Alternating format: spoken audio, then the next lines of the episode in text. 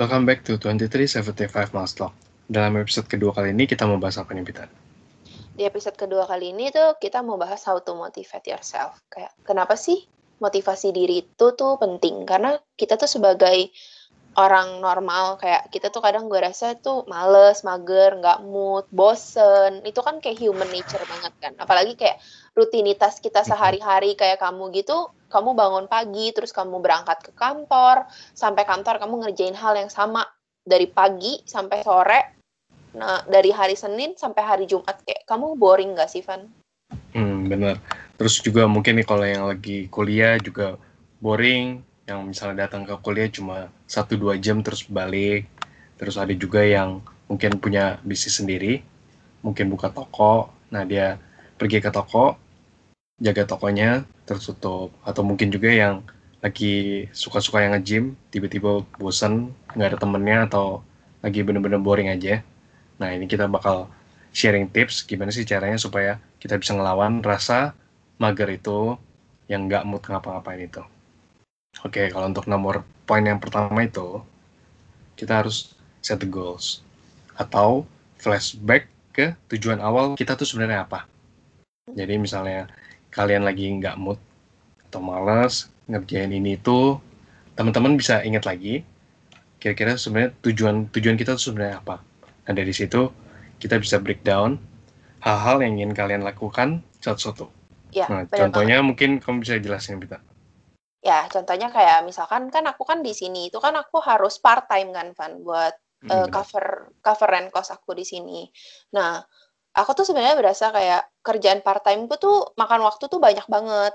Aku berasa kayak kerjaan part time kok tapi kerjaannya kerjaan full time gitu. Kadang hmm. tuh kayak aku berasa aku males sebenarnya buat ngerjainnya. Cuman balik lagi ke goals awal. Aku butuh uangnya supaya aku bisa cover rent cost aku di sini jadi ya aku harus semangat buat ngerjain kerjaan itu plus sebenarnya tuh dari hal nggak enak itu tuh dari semua hal nggak enak yang kita jalanin kita tuh tetap bisa selalu ada sisi positif yang bisa kita ambil. Kayak misalkan aku berasa di sini tuh kayak kerjanya part time tapi kerjaannya kayak kerjaan full time cuman di sini aku belajar banyak banget. Bahkan apa yang aku pelajarin di sini itu nggak aku dapetin di kantor aku sebelumnya di Jakarta atau uh, aku nggak dapetin di sekolah aku. Jadi sebenarnya tuh kayak dari hmm. semua hal nggak enak tuh tetap bisa ada sisi positif sih yang bisa kita ambil gitu.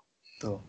Nah, terus uh, di poin kedua supaya kita bisa lebih motivate tuh gimana? Nah, biasa tuh gua tuh suka banget bikin to-do list to-do list gitu.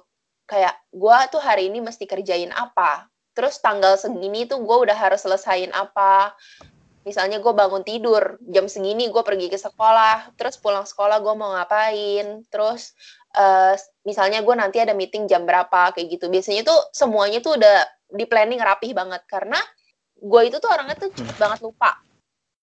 Jadi tuh gue harus bikin semuanya itu tuh uh, ada listnya ada schedule-nya supaya bisa keep everything on track gitu.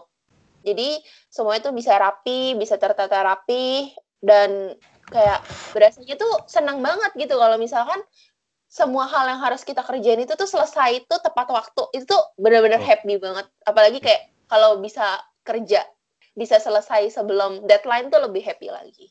Hmm, benar nah terus nah, itu kan nomor yang kedua. Nah nomor yang ketiga ini always believe in yourself. Jangan pernah deh kita sekali-kali kita mikir aduh gue nggak bisa nih gue nggak gue kayak nggak mampu untuk ngerjain ini. Atau contohnya misalnya ketika kalian dikasih sesuatu yang dari atasan misalnya yang belum pernah kalian lakuin sebelumnya jangan langsung mindsetnya kita itu kita nggak bisa. Nah gue punya mau sharing pengalaman juga. Nah sebelumnya biasanya gue kerja di bagian operasional.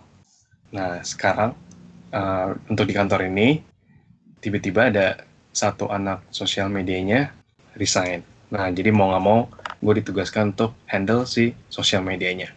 Sebelumnya gue bener-bener gak ada ide, belum pernah punya pengalaman sama sekali tentang si sosial media ini. Nah, tapi beruntungnya kita hidup di zaman yang sebuah serba digital. Kita bisa googling, kita bisa belajar di YouTube, ada learning course juga, atau mungkin sebenarnya kalau kalian mau investasi yang lebih baik lagi, mungkin bisa ikut seminar-seminar. Cuma kadang-kadang kan kalau untuk seminar, mungkin bagi anak kuliahan segala macam itu agak menguras uang. Nah, jadi sebenarnya banyak banget sih yang bisa kita pelajarin dari internet. Nah, dari situ gue pelajarin untuk sosial media ini. Akhirnya gue handle sosial media ini walaupun sebelumnya gue nggak pernah sama sekali. Nah, selain dari internet, kalian juga bisa langsung belajar sama orang langsung. Misalnya dari mentor kalian, atau dari kakak kelas kalian, atau yang paling simpel, dari keluarga kalian, dari orang tua kalian. Pasti mereka punya pengalaman-pengalaman yang emang udah mereka laluin. Jadi sebenarnya kalau untuk pengalaman-pengalaman itu, kita nggak selalu harus ngelakuin tuh pengalaman, ya gak sih?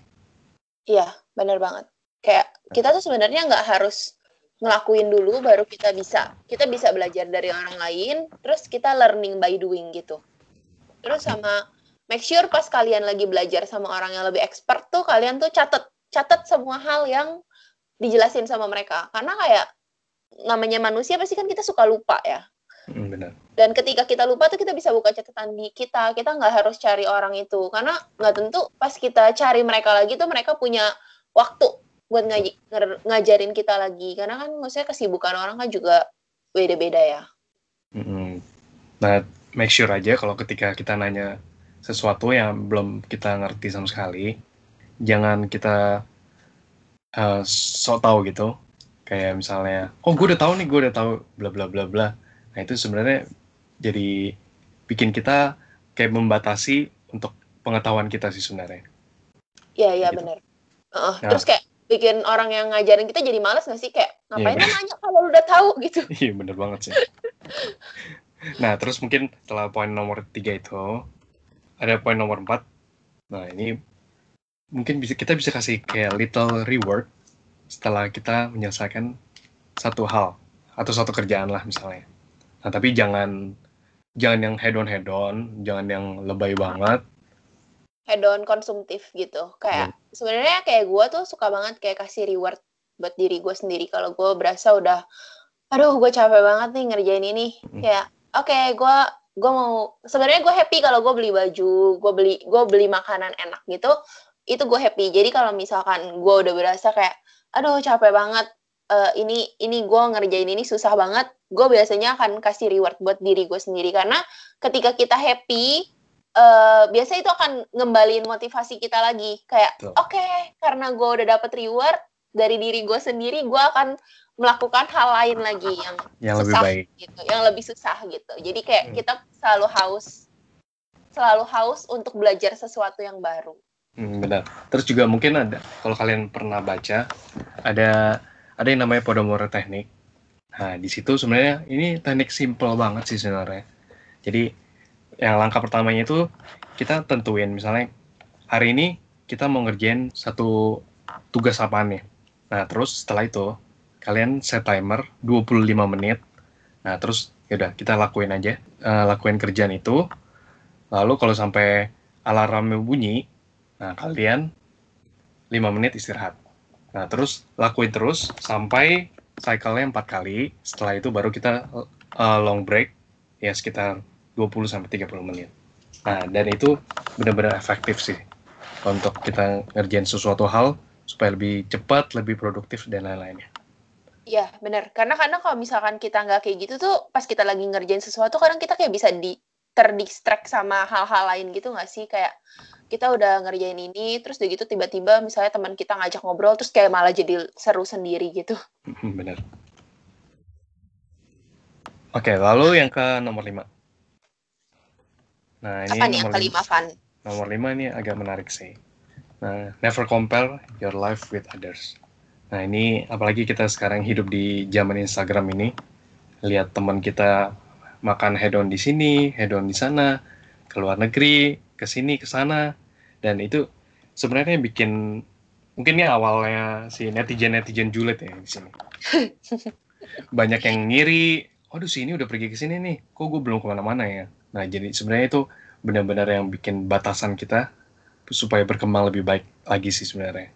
Iya, kayak kayak ketika kita compare hidup kita sama orang lain tuh kita kayak jadi membatasi diri kita untuk menjadi best version of me gitu loh. Kayak sebenarnya tuh kita juga bisa kayak mereka, cuman kita terlalu sibuk aja ngurusin hidup mereka sampai kita tuh lupa sama hidup kita sendiri. Hmm, benar.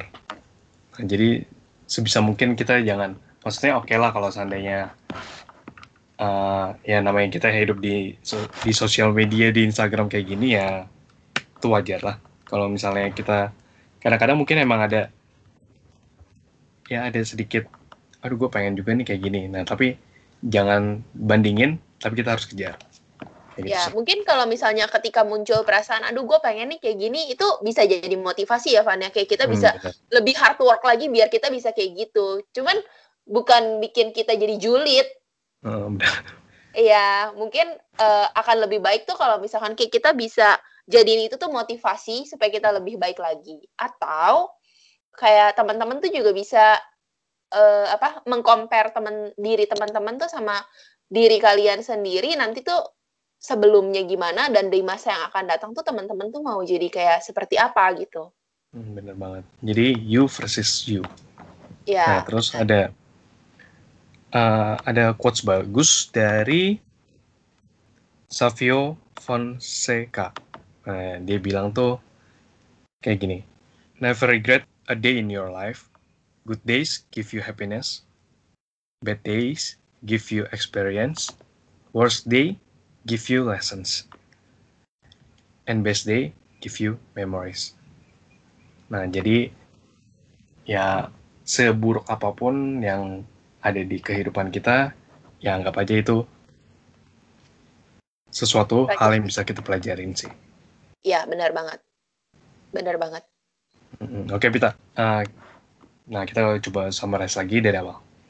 Uh, nah, kalau misalkan kayak kita summarize, gimana sih caranya supaya kita bisa memotivasi diri kita? Yang pertama, kita harus bikin goals-nya dulu. Atau kalau ketika kita sudah punya goals-nya, kita flashback sama goals kita. Itu tuh tujuan kita tuh mau di mana. Yang kedua, kita bikin schedule atau bikin to-do list apa aja yang mau kita kerjakan, kayak apa aja yang harus kita capai di hari itu, besok atau lusa. Terus yang ketiga, uh, always believe in yourself. Harus banget percaya diri sama diri kita sendiri kalau misalkan kita bisa. Jangan pernah mikirnya, aduh susah banget, gue nggak bisa, please. Hmm. Please banget, teman-teman jangan pernah mikir kayak gitu. Karena ketika teman-teman mikir kayak gitu, teman-teman tuh malah akan menanamkan energi yang negatif ke dalam diri teman-teman. Jadi kayak instead of teman-teman bilang aduh gue nggak bisa atau aduh susah banget kayak teman-teman tuh akan lebih baik bilang oke okay, mungkin gue bisa coba mungkin gue bisa pelajarin nah itu akan uh, lebih memotivasi diri kalian atau memberikan uh, energi yang positif untuk diri kalian sendiri hmm, nah yang keempat uh, jangan lupa kasih diri sendiri kalian tuh reward gitu give yourself a little reward karena itu tuh bisa fresh start ya. membuat ya.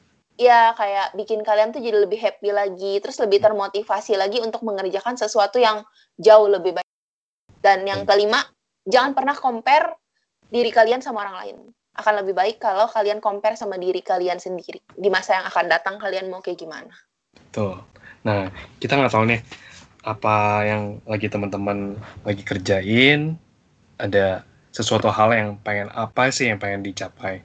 Nah, tapi kita berharap setelah dengar episode kali ini, teman-teman bisa lebih termotivasi, bisa bisa kembaliin motivasi diri kita sendiri supaya lebih produktif. Dan sebenarnya kayak motivasi ini salah satu yang uh, ini mungkin tips lainnya.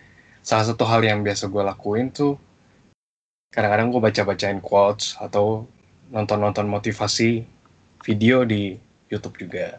Kayak gitu ah, itu ya. bakal bantu sih. Ya, betul. Kalau misalnya biasanya gua tuh ngelakuin kayak mulai bulan mulai bulan Maret ini uh, gua selalu nulis satu motivational quote setiap hari, terus gue tempel di dinding di depan ranjang gua. Jadi kayak ketika gua bangun, gua baca terus kayak itu bisa membangkitkan semangat gua lagi gitu.